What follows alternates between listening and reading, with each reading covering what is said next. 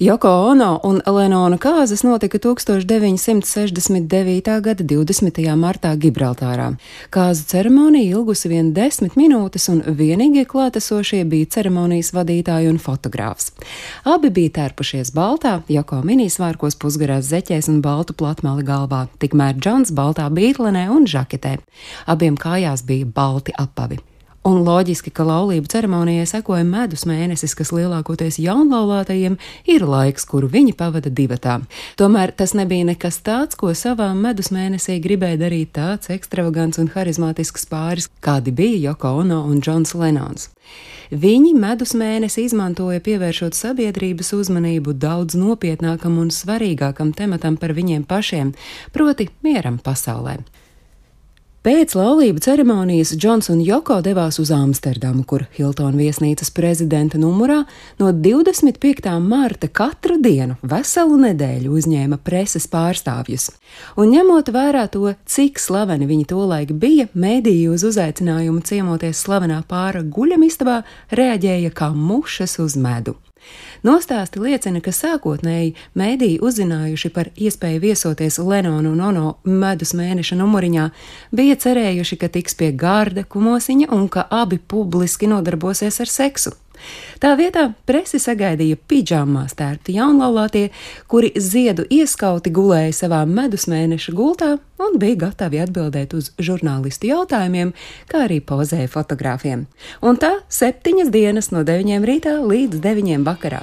Bet fonā rotājās divi plakāti. Uz viena rakstīts matu miers, uz otra gultas miers. Long as I've been there. Well, the reception before you even got there was that you couldn't get in. How do you feel about that? Uh, mēs zinājām, lai ko mēs darītu, tas nokļūst mēdījos, tāpēc nolēmām izmantot medus mēnesi, lai izveidotu reklāmu mieram. Mēs tādā veidā pārdevām savu produktu, ko sauc par mieru. Lai pārdotu kādu produktu, ir nepieciešams triks, kas mūsu gadījumā ir gulta. Mēs izvēlējāmies gultu tāpēc, ka tas ir visvienkāršākais veids, kā reklamēt mieru. Mēs tomēr esam ļoti slinki. Tā toreiz teica Lenons. Un, lai arī Lenons šo pasākumu aprakstīja ar humoru, viņš lika noprast, ka akcijas mērķis ir nopietns. Par ASV prezidentu nesen bija ievēlēts Ričards Niksons, kurš solīja izbeigt karu Vietnamā.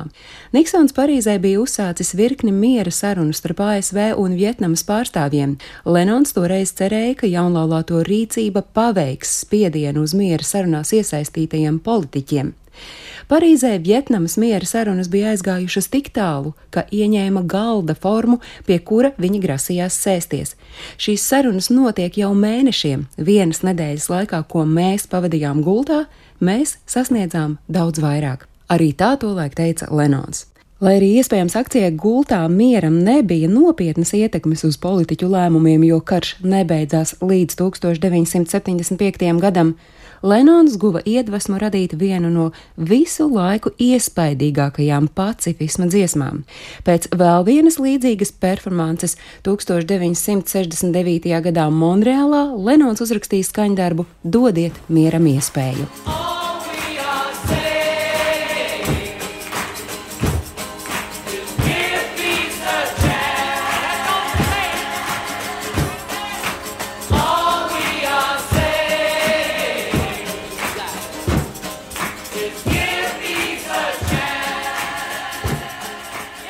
Bet 2009. gadā, 40 gadu pēc pirmās akcijas, Joko Ono aicināja savus fanus atkārtot slaveno akciju Gultā mieram.